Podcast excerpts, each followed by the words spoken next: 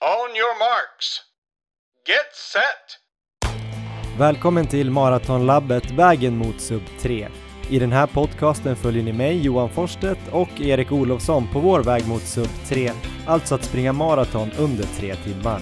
Det här åttonde avsnittet kommer att ta upp precis allt ni behöver veta om den anaeroba mjölksyratröskeln.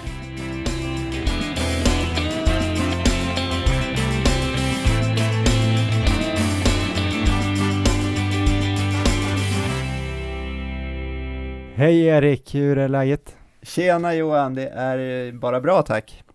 Hur är det själv? Jo men det är ganska bra. Jag är lite sliten, jag är lite trött och eh, ont i kroppen måste jag säga. Jag eh, har ju varit i Sydkorea i tre veckor och kom hem nu här i veckan i tisdags. Just det, jetlag? Ja, lite jetlag. Jag eh, gillar ju för sig att åka åt det här hållet. Man Ja. tjänar åtta timmar. Men jag har blivit så sjukt pigg på morgnarna så jag vaknar, har vaknat nu så här fem, sex de senaste morgnarna och varit tvungen att gå upp till slut för jag har inte kunnat somnat om. Och gått ut och sprungit? Ja, precis. Nej, jag har gjort intervjuer till podden, typ. ja, det är också bra. Ja, nej, jag vet inte. Jag tror att de här eh, 21 dagarna i rad med 8 till 12 timmars eh, jobb varje dag har börjat eh, göra sig påminda i, i kropp och själ, typ. Och sen har jag fått till några ganska bra pass. Jag drog ju direkt från flygplatsen eh, i tisdags, eller jag kom hem och lämnade grejerna, slängde in mig lite mat, sen stack jag på gymmet. Jag Ja, hade ju inte eh, ens sett en, eh, en vikt eller en hantel eller en skivstång på tre, fyra veckor känns det som. Så, så jag drog ett riktigt, eh, ett ganska bra kropp, helkroppspass med lite löpstyrka i början och sen körde lite knäböj och pull-ups för att kunna dra mig upp i, i träd om jag blir jagad av björnar och sånt där. ja men det är Och bra. sen, ja det är faktiskt underskattat. Nej men så, eh, jag har, har liksom en träningsverk i kroppen som är ganska ordentlig. Lite lik en träningsverk som jag kommer ihåg från 2001 eller 2002 när jag Ja. skulle träna med dig i, jag tror det var Fryshusets gym i Stockholm. Du Ja. var inne i någon sorts bodybuilder-period. Bara. Det var ju det var mer på gymmet än på fotbollsplanen. Vi spelade ju fotboll ihop i spårvägen då och du var jävligt stark. Och så hade jag, hade jag haft en sån här period när jag bara spelade fotboll och inte kört någon gym och så skulle jag komma ner efter säsongen tror jag, köra Ja. ett pass med dig och så tänkte jag jag ska köra lite lugnt men sen blev, blev jag inlurad i ditt pass och jag kommer ihåg att vi körde bänkpress där ja. vi körde typ någon trappa, alltså en stege upp först ja. till typ en etta max, vad man kunde för dagen. Och när man hade gjort den så då tog du av så här, kanske 10 kilo, så skulle jag köra så många jag kunde på den vikten. Och sen direkt på nästa. Ja, och sen la jag bara av, du tog bort 10 kilo till, så gjorde jag max på den vikten. Och så gick man ner så ända tills man hade stången. Och så, Ja. så till slut gick det ju knappt, det gick ju typ inte att lyfta stången. Det var helt sinnessjukt. Eh, och dagen efter kom jag ihåg att jag hade ju typ någon inflammation i, i hela bröstmuskulaturen. Jag körde ju budbil då, jag kunde ju typ knappt eh, öppna dörren och jag kunde inte svänga och sådär. Det var ju livsfarligt. Men var det ett sånt pass du körde nu direkt efter att du kom tillbaka från Sydkorea? Nej, jag lärde mig efter den där gången. Det har jag aldrig Ja. mer gjort. Nu körde jag mer bara. Jag tyckte att jag var ganska så här. ah, jag tyckte att jag mer skulle väcka kroppen. Men eh, ja, nej, så jag, jag fick en hel del träningsvärk så jag är lite sliten. Men, men det känns bra. Jag gjorde ett bra löppass igår ändå. Eh, Just det, det såg jag. Mm, så, På Strava.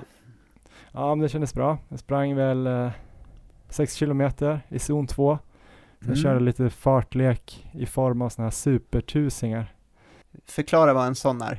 Man delar upp en tusing, tusen meter alltså i fyra, men när man kör en hundring, en 200 meters, en 300 meters, en 400 meters. Så kör man samma hastighet och då ska man ju vara alltså snabbare än sin milfart, kanske 10-15 procent. Mm. Så jag sprang, försökte springa under 3.30 fart.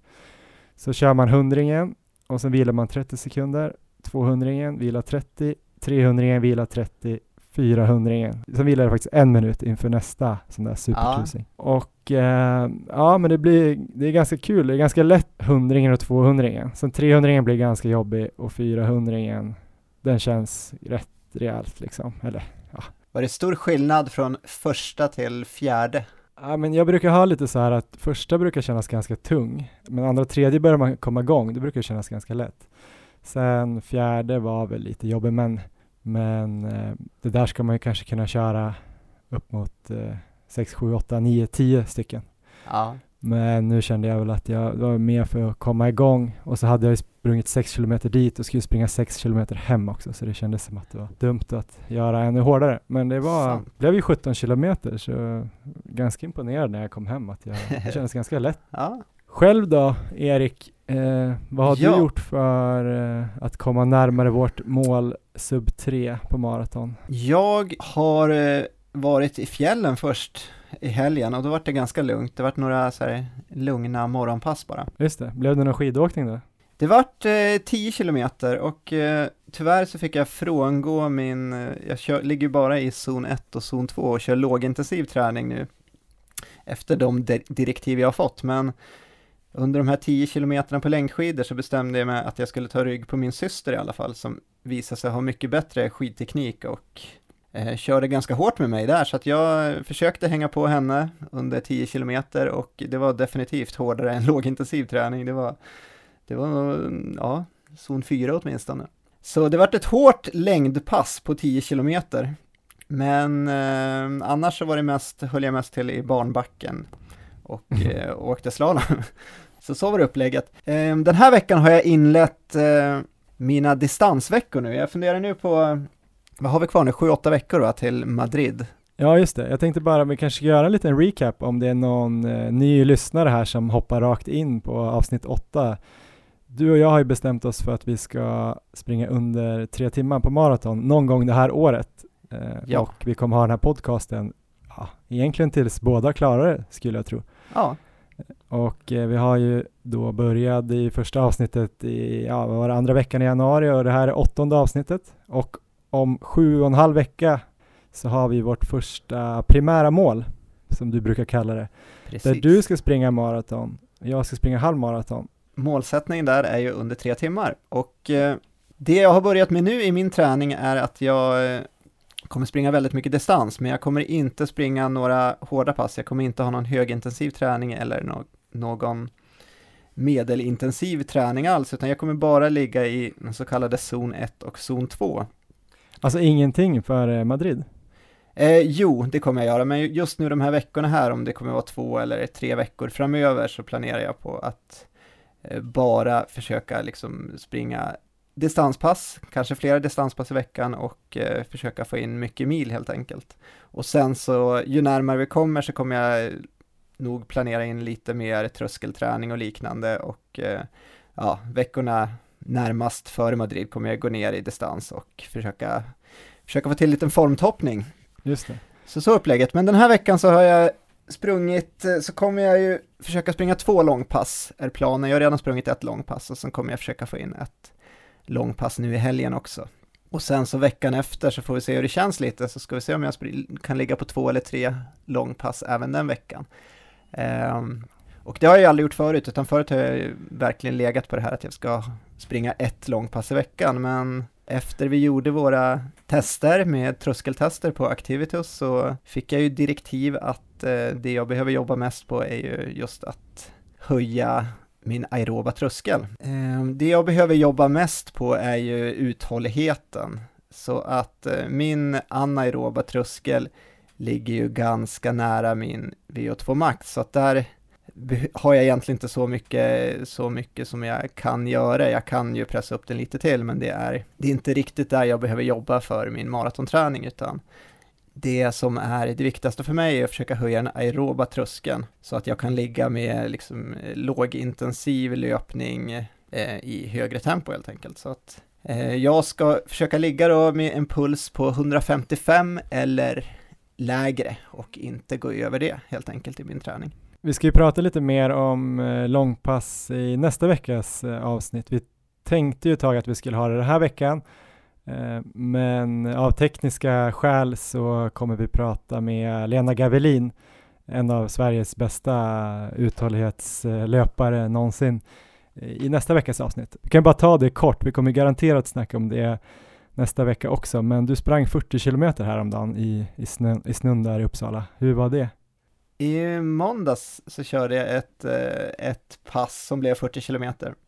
Eh, det var, det var bra, det, alltså, det kändes som ett bra pass. Jag hade väl inte riktigt bestämt hur långt jag skulle springa. Men eh, tidigare har jag sprungit som längst 38 kilometer och jag hade väl tänkt att ligga där ungefär. Och nu är det ju det är max som jag har tänkt ligga på innan Madrid Marathon. Jag har inte tänkt springa längre än så, men jag hade ett väldigt, väldigt bra känsla hela passet egentligen, trots väldigt dåligt väder. Så eh, jag körde på och eh, ja, efter 35 så kändes det fortfarande väldigt, väldigt bra. Så jag körde på i 40 kilometer. Och eh, det var lite diskussion om det efteråt, om det var eh, dumt, om det är för långt eller om det bara är slitsamt och om eh, skaderisken eh, blir för stor. Ehm, så det blir intressant nästa vecka att liksom ta upp, ta, ta upp då, eh, det ämnet och eh, se om det finns någon magisk gräns för hur långt ett långpass kan vara eller om, ja, vilka individuella skillnader och så vidare det finns. Och eh, så får vi försöka reda ut det. Det blir ju det blir intressant, definitivt. Ja, men det kommer bli mycket intressant nästa vecka alltså. Lena Gavelin om långpass. Den här veckan kommer vårt ämne vara tröskelträning och då kommer vi prata framförallt om anaeroba tröskeln, alltså mjölksyratröskeln. Och till vår hjälp har vi Johan Hasselmark på Activitus som jag har intervjuat och eh, den här intervjun kanske kommer vara lite teknisk och vässa öronen pausa, gå tillbaks om det blir krångligt. Eh, intervjun kommer i alla fall nu. On your marks. Get set. Ja, men Johan Hasselmark från Activitus, tack så mycket för att du är med oss idag. Jag tänkte vi skulle prata lite om eh, framförallt den anaeroba tröskeln, den mycket omtalade mjölksyratröskeln. Kan inte du bara till en början förklara lite vad, vad, den, vad den är och vad som händer i kroppen när man börjar nå upp till den här tröskeln? Ja, um viktigt att förstå i grunden det är att vi, vi använder ju liksom muskulära processer för att skapa rörelseenergi. Då. Och eh, man kan i huvudsak säga att vi har två huvudsakliga processer, den syresatta aeroba processen och den explosiva anaeroba, det vill säga icke syresatta processen. Och som uthållighetsidrottare och, och löpare då, eh, eh, på längre distanser så vill man ju självklart då ha en så syresatt process som möjligt för den när muskulaturen som ska arbeta på, på enskild muskelfiber, muskelcell då, har syre så Eh, kan arbetet utföras ekonomiskt. Eh, fett och kolhydrat kan användas och det krävs då syre hela vägen in i cellerna som ska göra jobbet. Då. Eh, men i det fall man vill springa fortare, det vill säga att eh, man vill ha en uteffekt som inte den aeroba syresatta processen räcker till att leverera. Då. Alltså syret finns inte där eller muskulaturen är inte tillräckligt anpassad för det arbetet. Då, Eh, då kickar successivt den explosiva processen in. Eh, exakt samma funktion som när man eh, gör eh, tunga lyft på ett gym eller springer allt vad man har på 10 sekunder. Då. Men den tvingas, mer eller mindre kan man säga att den tvingas jobba. Då. Eh, nu låter det farligt att den tvingas jobba, det är inget, det är inget farligt alls, utan det ska vara så. Men, men eh, den, den tvingas hoppa in och för att leverera den fart man efterfrågar om man vill springa eh, liksom över lågintensivt kan man säga. Och när man då ökar farten ytterligare så kommer man då, eh, eller det ska vara värt att nämna också att det fina med den explosiva processen det är, det är att i det ögonblick den sker så behövs inget syre. Och det är ju jättebra, eh, för det är just det man har brist på där och då. Eh, restprodukten av explosiv process är däremot mjölksyra som ganska direkt faller isär i laktat och vätejoner. Eh, och, och där används väl ordet mjölksyra lite slarvigt, men, men det är... Men förklara lite bara, för jag läste där också, mjölksyra, att det inte riktigt är det. Alltså om det går att förklara det. Nej, alltså mjöl, mjölksyran är inte stabil. Så att, så att den mjölksyra, för att mjölksyra ska vara stabil så behövs det väldigt sur miljö och så surt är det inte i kroppen. Så den faller isär direkt till laktat och vätejoner. Okay. Och det är de här vätejonerna sen som far runt och reagerar med, med de muskulära processerna och andra processer i kroppen. Och det är det som gör att vi känner oss stumma, vi blir sura i, i miljön då i kroppen. Okay. Eh, Medan laktatet som bildas, det är för oss, ja, vi som står i testklinik, är ganska tacksamt för att det är väldigt lätt att mäta i blodet. Just. Eh, laktatnivån och det fungerar ju i det sammanhanget som en indikator på hur mycket explosiv process man använder. Måste engagera. Då. Just det, så laktatet som bildas är mer någonting som man kan använda för att mäta den här mjölksyratröskeln mer än att det försämrar situationen i musklerna. Exakt, eh, laktat är snarare bra för det, det är ett, eh, egentligen ett energisubstrat som används i kroppen för att fördela när, man, när kroppen sen bryter upp laktatet så frigörs kolhydrater och glykogen. Mm. Så det är snarare en, en, ett energisubstrat som hjälper kroppen att fördela eh, glykogen, då, alltså kolhydrater, eh, och skicka in det i den muskulatur som, som behöver det, så att säga, eller de organ som behöver eh, Så att egentligen, och mellan bara den syresatta processen, då, den aeroba processen, den är ju bra på det sättet att den är uthållig. Eh, jämfört med den explosiva processen är den ju, kan den egentligen inte producera så mycket kraft, men det fungerar enkelt beskrivet väldigt bra på både fett och kolhydrater. Medan den explosiva processen måste ha tillgängligt glykogen för att, för att det ska fungera bra. Eh, och i konditionsträningssammanhang så finns det en väldigt bra liknelse åt om den syresatta processen är lönen. Liksom så blir den explosiva processen kreditkortet. Man kan dra det, men man måste betala tillbaka. Du måste jobba tillbaka miljön i kroppen som uppstår. Mm. Eh, och, och, rätt använt, ja men då, då vinner man spurter, man, man rycker sönder klungor och så vidare. Eh, fel, an, fel använt, då kör man ju ner sig i diket för man klarar inte av att betala tillbaka det innan mållinjen kommer. Hur mycket kan man låna på det här kreditkortet då, så att säga? Man brukar ju prata om att den här tröskelfarten är någon fart som man kan hålla i 30 till 60 minuter eller något sånt där. liksom, hur mycket av den här överfarten har man?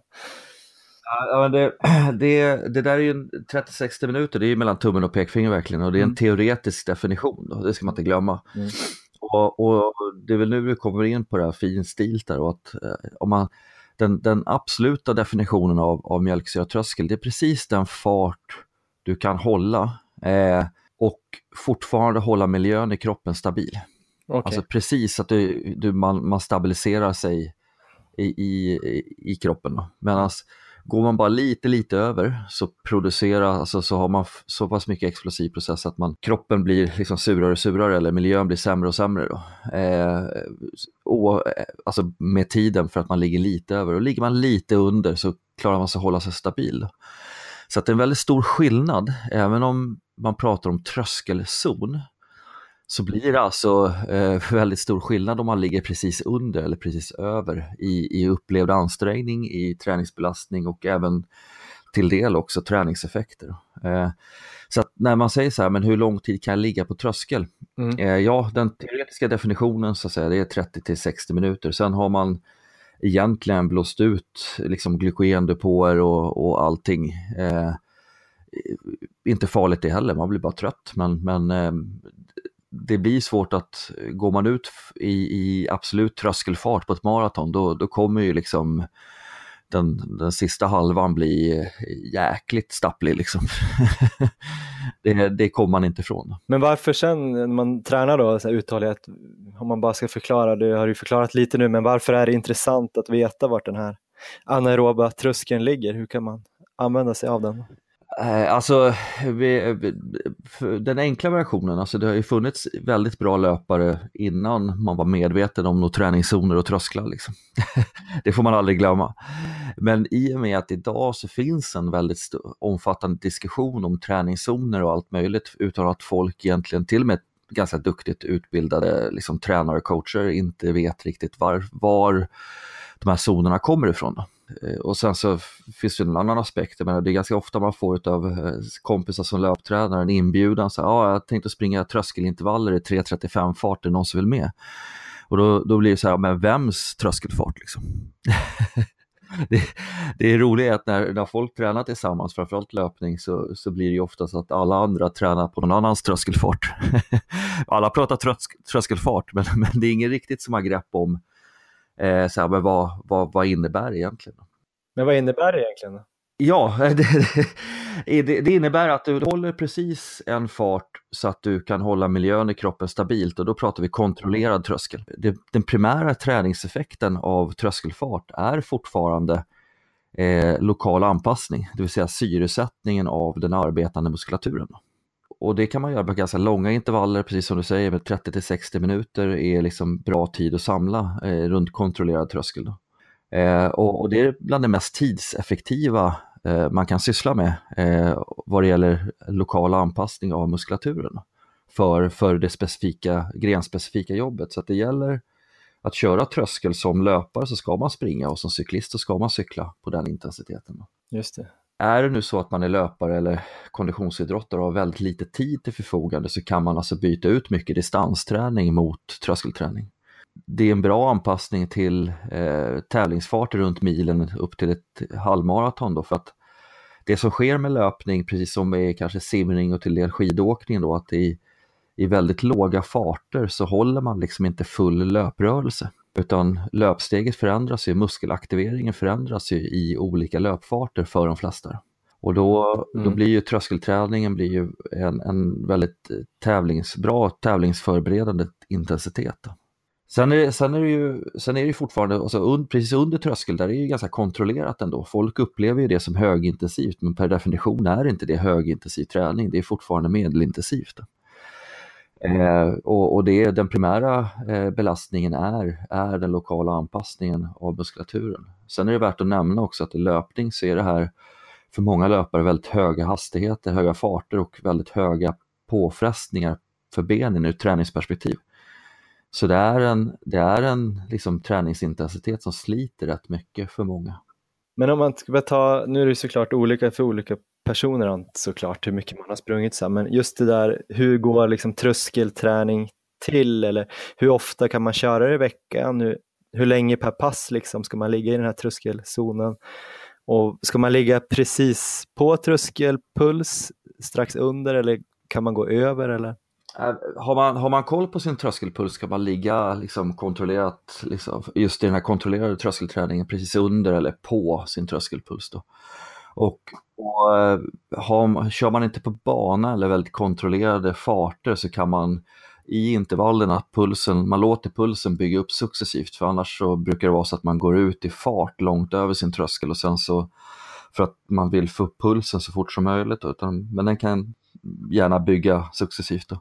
Just det. Och hur mycket tid kan man göra på ett pass? Och ska man liksom dela upp det eller i intervaller eller ska man köra det i klump? Nej, så länge man håller sig till kontrollerad tröskelträning så behöver man inte dela, egentligen så behöver man inte dela upp det i intervaller. Det är, det är mer en, en mental respit liksom. Eh, och, och vilan på tröskelintervaller den kan vara ganska kort, alltså du ska kunna klara av att återhämta dig. Kör du 8-10 minuters eh, långa tröskelintervaller så liksom på två minuter så ska du vara återhämtad och är man inte återhämtad utan fortfarande ligger ner för, för det första ska man inte ligga ner efter en kontrollerad tröskelintervall. Då, men, men är det så och, och, det tar jättelång tid att återhämta sig, då har man kört för hårt. Liksom. Då har man oftast legat betydligt över tröskeln.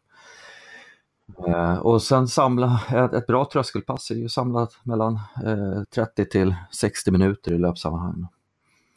Och sen får man känna efter det här, hur ofta kan jag göra det här? Det är extremt individuellt. Då. Och det är hur stor träningsvolym och belastning man är van vid. Eh, vad, alltså, hur skadebenägen är man? Hur sliten blir man liksom muskulärt av, av den här typen av pass? Då? Så det går liksom inte att ge, det, det blir för individuellt för att ge en, en så generell rekommendation. Men en annan sak som jag tänkte på, eh, tröskelträning, eh, liksom ska man köra det året om eller är det någon viss period som det är, kanske inför lopp som det är extra viktigt och effektivt? Eller det förstår jag också att det kan vara individuellt, men eh, vad tänker du kring det? Nej, men alla, alla kan ha nytta av det, alltså på just distanserna, milen och halv, eh, halvmaraton. Då. Löpningen är väldigt distansfokuserad medan vi väljer att titta på arbetstiden istället. För det, det säger ju mer om vilken prestation man står inför i och med att prestationen är relativ. Eh, så att en person som springer milen på 55 minuter springer ju egentligen ett annat lopp än en person som springer milen på 34. Då.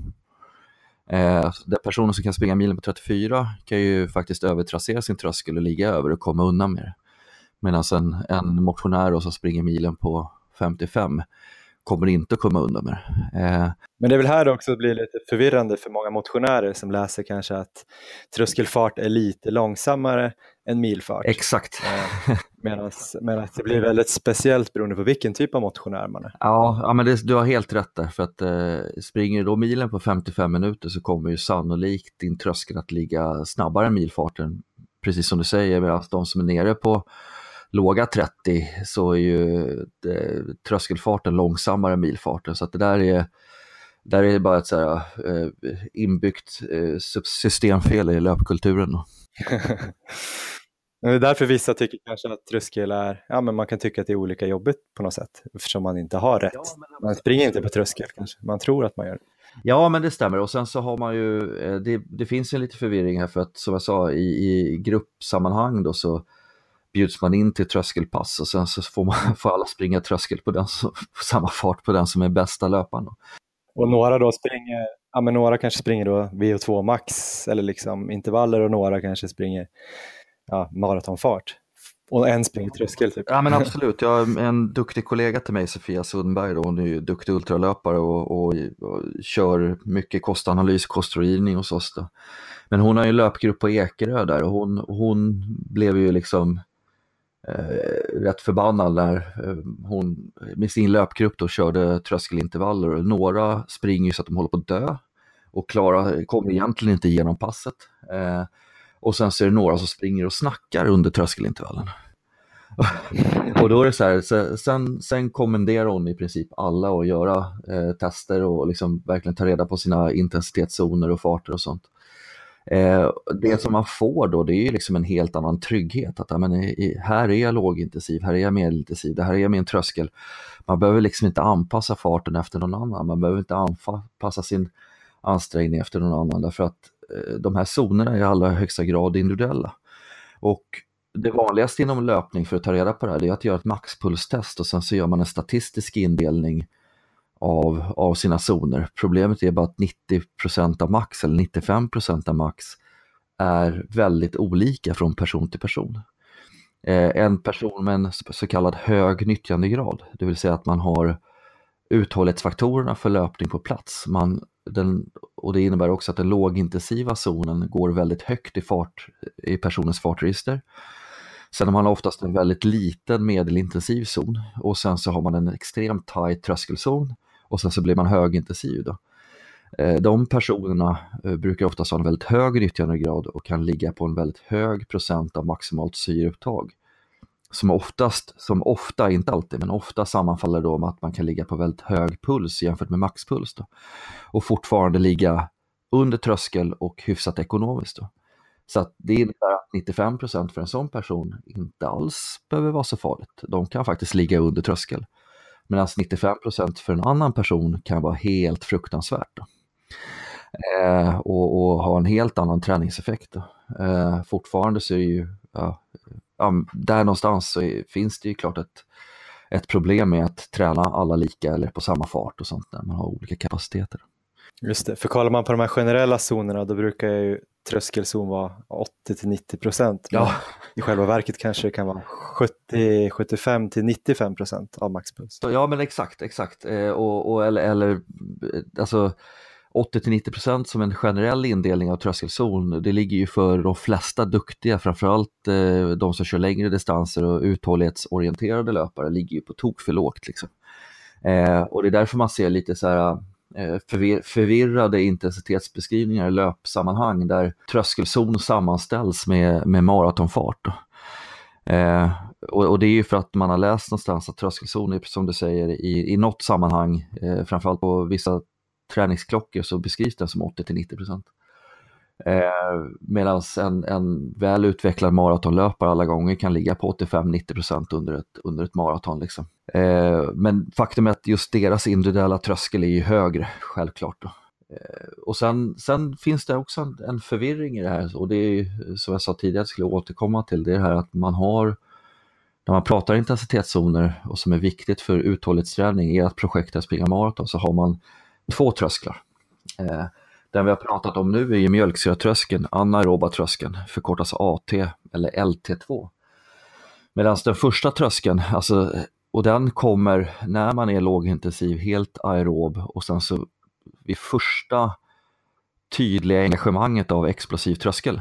Eh, där infaller, och det är gränsen mellan lågintensiv och medelintensiv zon. Just det. det är där zon 2 slutar, så att säga. Ja men exakt, där infaller den aeroba tröskeln. Eh, och det är där man börjar engagera liksom explosiv process, börjar bygga mjölksyra eh, men, och, och går in i medelintensiv zon. Eh, och, och, den olyckligtvis på engelska heter ju den lactate threshold och förkortas LT eh, i de flesta sammanhang. Och här ju, sker ju allt för ofta träningsartiklar, även avancerad träningslitteratur, fysiologisk litteratur som blir direkt översatt till mjölksyratröskel. Och det är ganska, också ganska vanligt bland löpare att, att man liksom, de tror att de går över mjölksyratröskeln fast egentligen har de bara gått in i medelintensiv zon och har ganska långt spann kvar tills man verkligen når sin mjölksyratröskel. Ehm, och, och, och den, våran mjölksyratröskel, alltså anaeroba tröskel, det är ju då skiljelinjen mellan medelintensiv och högintensivt. Kan man veta sin tröskel eh, hyfsat exakt utan att göra ett test på labb till exempel? Eller hur brukar det där skilja? Jo, men det finns lite, lite modeller. Eh, alltså, återigen, det är ju inte så att det här med att man utgår från sin miltid är helt åt skogen eller vad man, vad man, kan, vad man har för fart på fem kilometer. Nej. Och då kan man väl säga att det, det, alltså egentligen det enklaste testet är väl att ta så långt som det kommer på 20 minuter eller den snittfart och snittpuls du har på 20 minuter efter uppvärmning då under en 20 minuters period. Och så drar du av 5 då. Det är ju liksom ett enkelt fälttest. Och då kör man max 20 minuter? Ja, precis, så fort du kan. Eh, sen, sen, finns det liksom avvikelser från det där och det innebär att en, en, en, en, löpare som har väldigt hög kapacitet och högt syreupptag men kanske inte så löpmässigt uthållig och anpassad kommer ju kunna överprestera på de 20 minuters testerna. Medan en, en löpare som är väldigt eh, väl löpanpassad kommer väl att och, och underprestera på dem kanske. Eh, men, men där någonstans så, så finns det också 60 minuters testet, alltså hur, vad, vad kan du hålla för fart i 45 till 60 minuter i snitt då? Mm. Vad har du för snittpuls då? Det är ju, det är ju betydligt tuffare. Eh, det är ju för många ett jävligt tufft test. Kan man använda sig av tröskel, anaeroba tröskelpulsen för att ligga i rätt fart på lopp och sådär och vilka distanser kan man liksom använda sig av den? Jo, men det, det kan man ju helt klart göra för att då Eh, framförallt om man tillhör de som exempelvis går ut på tok för hårt på millopp och verkligen kroknar de sista kilometrarna. Kan ju ha det som, som liksom en, någon form av eh, gräns eh, de första fem kilometrarna för att liksom disponera sig bättre. Och då att man inte går över tröskel kanske första halvan och sen får man släppa på? Ja men precis, sådana regler kan man sätta upp för sig själv då. Mm. Eh, Eh, sen är det givetvis beroende, som vi var inne på tidigare, vilka tider är det man jobbar på. Eh, men samma sak med halvmaraton som är faktiskt en, en jävligt svår distans att pacea sig på. Det upplever nog många. Det är ju något så här, typ, ja, men jag går ut i milfart och ser hur, hur länge det håller ungefär. men, medan maraton brukar för de flesta vara en så pass lång distans att man har vett nog att pacea sig från början. Eh, och där, där för de allra flesta på maratondistans så behöver man hålla en ganska bra marginal till sin mjölksyra-tröskelpuls. Kan man säga någonting om hur, hur stor marginal? Det är väl också såklart om man springer på 2.30 eller 4 så är det stor skillnad. Men... Ja, nej, alltså det, där, ja, det, det svåra att prata med sådana som oss är att vi alltid kommer falla tillbaka på att ah, det, blir, det blir individuellt. men det är faktiskt så, det är extremt individuellt. Men men jag skulle säga då mitt i, i, för en duktig maratonlöpare så blir det mitt i medelintensiv zon. Och för en maratonlöpare som tar längre tid på sig än 3.30 eh, så, så kommer man att förpassas till lågintensiv zon vare sig man vill eller inte. Då, för det är så pass lång arbetstid. Eh, och, men när vi pratar liksom väldigt duktiga löpare så blir det också ett fenomen att de är så jäkla uthålliga, eller så att säga deras lågintensiva zon går så högt upp i, i, i registret att mm. när, man, när man pratar om trösklarna för en extremt uthållig löpare så Alltså det, det händer så fort, de har knappt något medelintensivt spann. Man går från lågintensivt till högintensivt ganska fort. Och det kännetecknar ju en, en, de flesta utpräglade maratonlöpare att deras fartspann är ju ganska så, ja det blir nästan parodiskt för att här, eh, deras maratonfart är så pass, eh, ligger så pass nära deras milfart eller om man ber dem springa en kilometer all out så, så är det sällan att fartregistret är, det skiljer sig inte så mycket. Liksom. Eh, Vilket deras fördelar och vapen är ju oftast emot dem också i andra sammanhang och i ett, inte minst i ett träningssammanhang då när man, när man vill få upp sitt fartregister så är det, är det en, ett problem för dem. Ja men suveränt Johan. Har jag glömt någonting och fråga om någonting? Dra ett resonemang. Jag hoppas att man, man har kunnat följa med i, i resonemanget här men men sen ser du så här, ja, men vad händer om jag kör tröskelpass över min tröskel då? Ja, det, det är absolut ingen fara. Det som, det, som, det som sker, man bara ska vara medveten om att det blir ett extremt hårt pass. Eh, och det är det många som eh, blir lite så här, vad fan, jag sprang ju tröskelpass precis som alla andra igår och jag är helt slaktad medan alla andra springer inte och visslar dagen efter.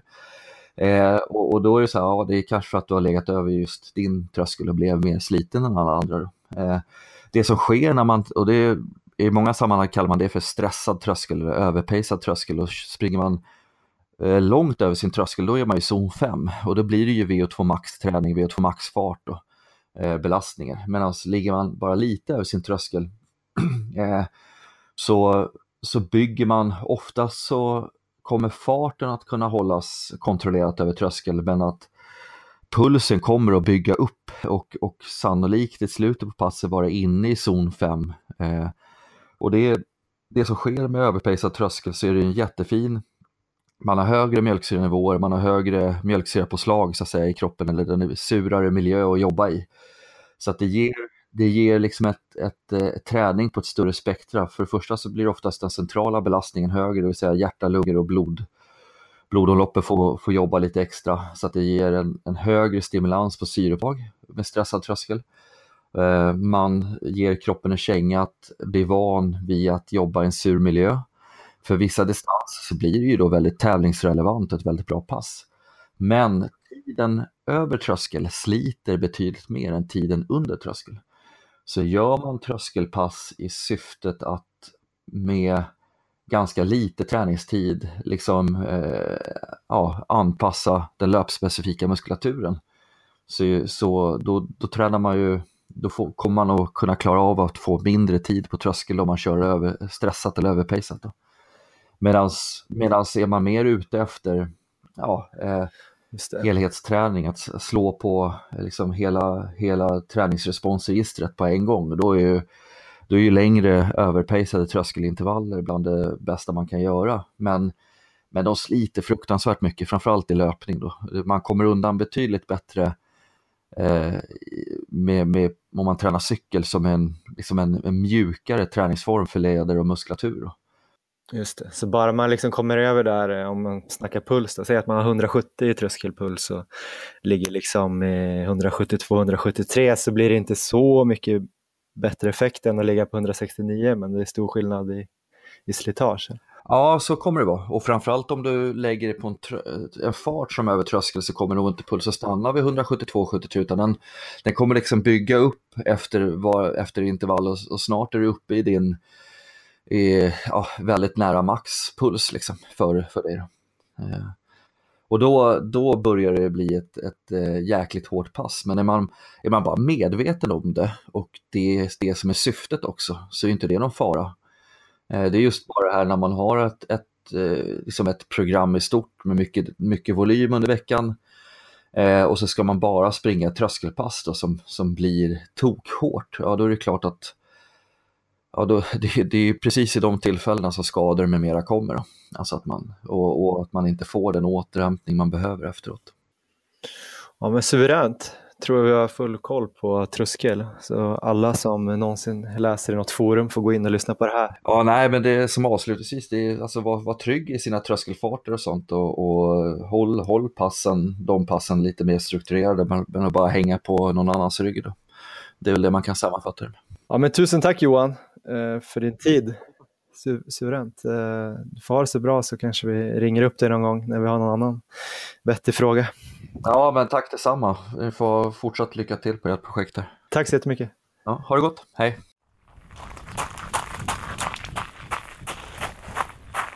Ja, men då är du och jag tillbaks Erik efter den här äh, ganska innehållsrika tröskelintervjun med Johan Hasselmark. Det kan ju vara lite overkill att dra en eh, kort eh, sammanfattning, men jag tänkte göra en liten recap på några praktiska tillämpningar som jag tycker att man kan dra av den här intervjun. Och det är väl liksom att tröskelträningen syftar ju till att förskjuta den här tröskeln så att man kan springa snabbare vid den här, eh, vid sin tröskelpuls.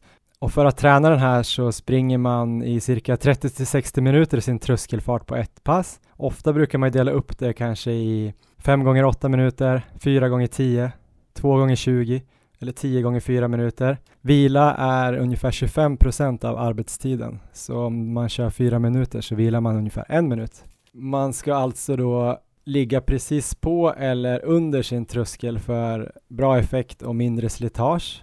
Och så ska man ju inte då göra det här med en kompis som inte är exakt lika bra och har samma tröskelfart. Men om man vill göra det ändå så kan ju man göra det på löpan. Det var faktiskt Charlotte Karlsson som tipsade mig om det. Om man då springer med sin kompis, har ett varsitt löpband då såklart, svårt att springa på samma. Då kan man ju stå bredvid varandra, springa olika fart, men man springer alltså i samma tid. Alltså om man springer 10 minuters intervaller i tröskel så kan ju man ha olika fart och springa med varandra på så sätt. Annars är det risk att man springer lite för hårt eller lite för löst. Tröskelfarten också då väldigt bra för att eh, pacea sig på milen och halvmaraton tycker jag. Det har jag gjort ganska mycket när jag sprungit millopp. Att just som vi snackade om, att ligga i kanske fem kilometer där man ligger på sin tröskel för att inte gå in i väggen och sen kan man öka därifrån om man har en bra dag. Mm. Och sen så tänkte jag väl bara för mig eh, generellt så jag började ju kanske med tröskelträning för sju år sedan någonting. Vi var ju fotbollsspelare du och jag Erik och Aha. hade väl inte hållit på så mycket med seriös löpning men när jag började läsa om tröskelträning hade jag också lite svårt att fatta hur snabbt det egentligen skulle vara. Men när man eh, förstod och började med tröskelträning så tyckte jag det var en ganska skön träningsform för att man, det var hårt, det gav väldigt mycket, men det var ju all, man visste ju alltid att man skulle orka, för rent teoretiskt eh, så orkar ju kroppen springa tröskel ganska länge. Och, och den vetskapen gör ju att man ändå kan ta sig igenom passen. Hur mycket tröskel har du sprungit eller springer du nu Erik? Ehm, jag började springa tröskel egentligen på tips från dig och det var väl i december förra året. Så att, och sen hann jag springa tröskel i kanske två månader innan jag fick direktiv att eh, det här ska du inte alls göra. Ehm, och, eller det, det var ju mer, mina direktiv som jag fick efter våra tester var ju att ehm, det var ju beroende på hur mycket, hur mycket tid jag hade.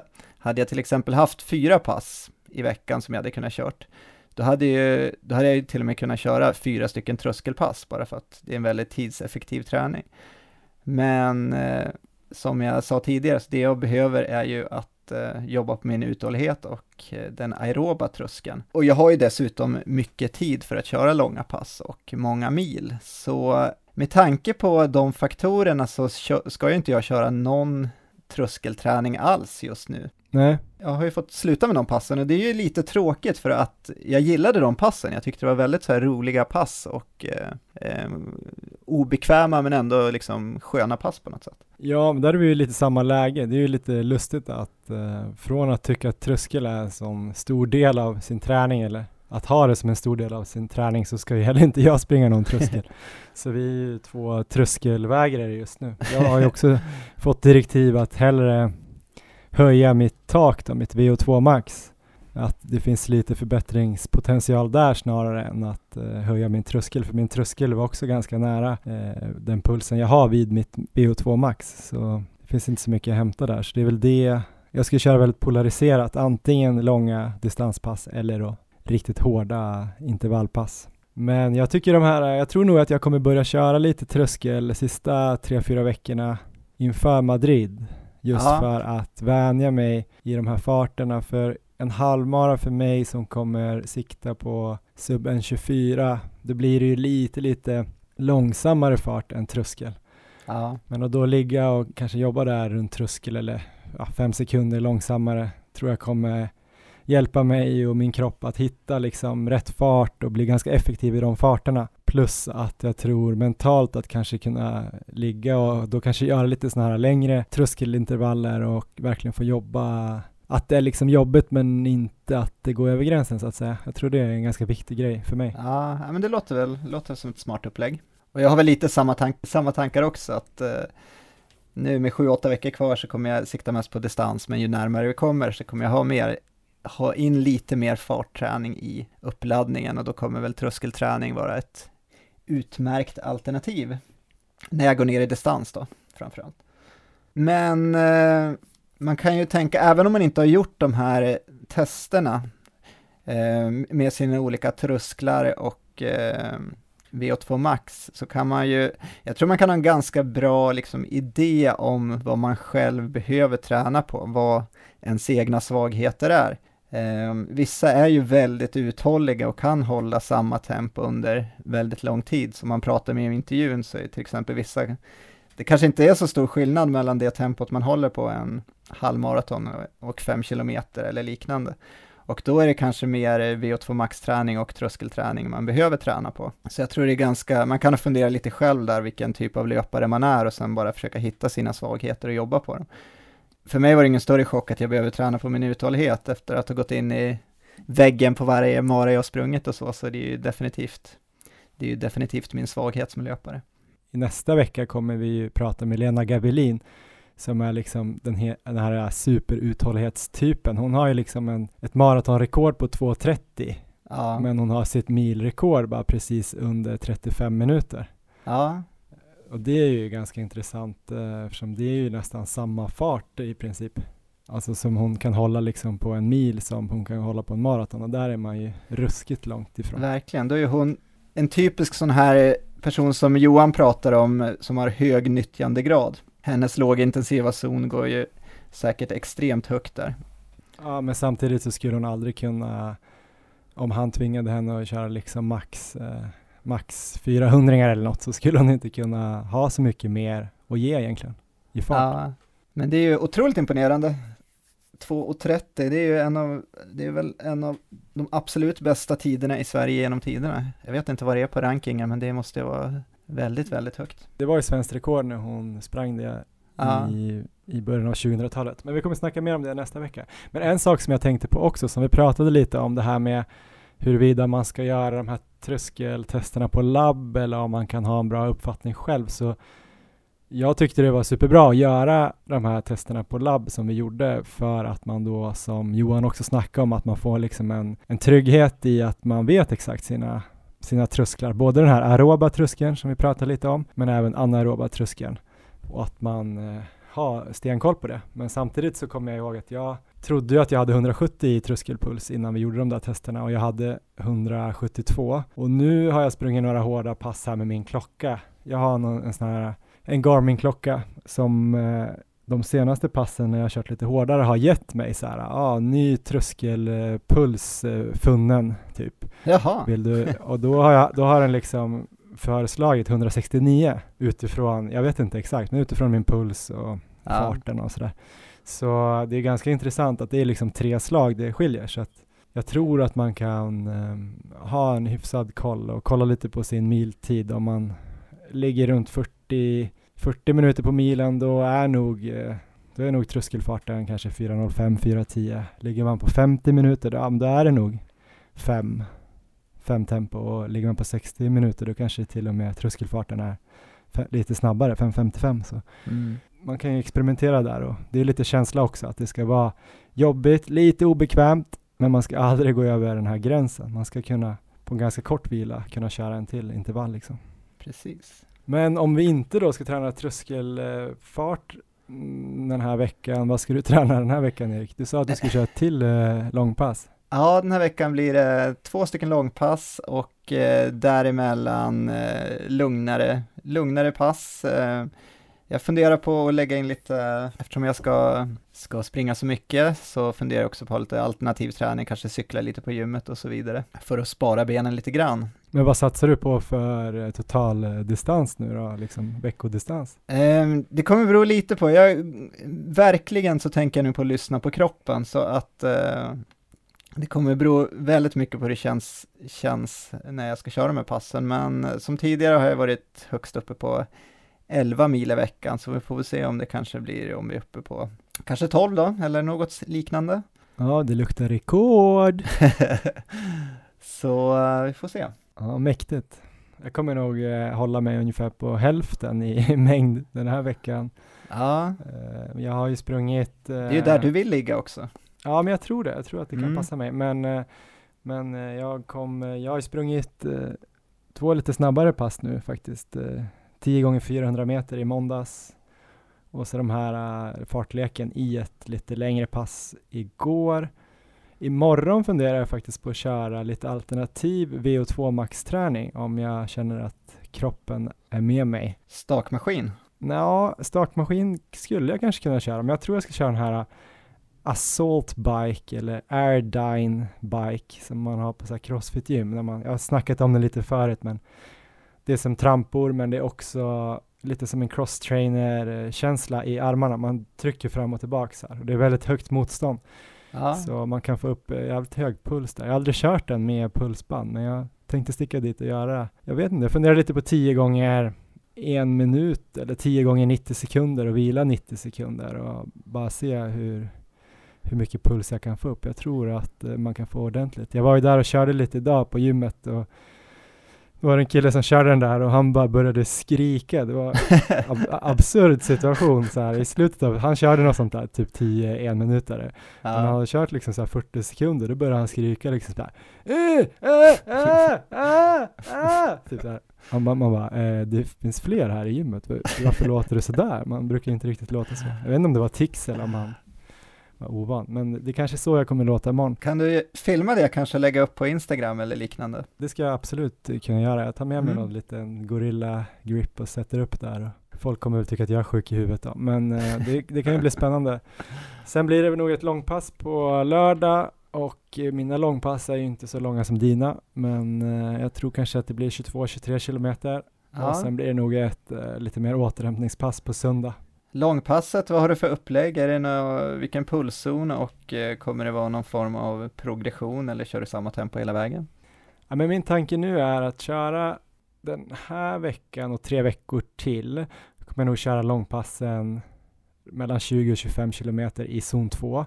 Mm. Ganska strikt. Men sen tror jag att de sista fyra veckorna inför Madrid, då kommer jag nog börja köra de här lite två, tre lite hårdare långpass med någon sorts fartökning. Ja. Sen blir det väl något eh, återhämtningspass på söndag som sagt och då är det också Paris halvmaraton faktiskt. Så Aha. då ska Emma, min sambo och eh, hennes syrra eh, Sabina springa och jag tänkte gå ut och heja lite. All right, kul. Men eh, då får du väl eh, köra på då, så ni som inte kan få nog av oss, vi vet att det är fler än bara min eh, och din mamma.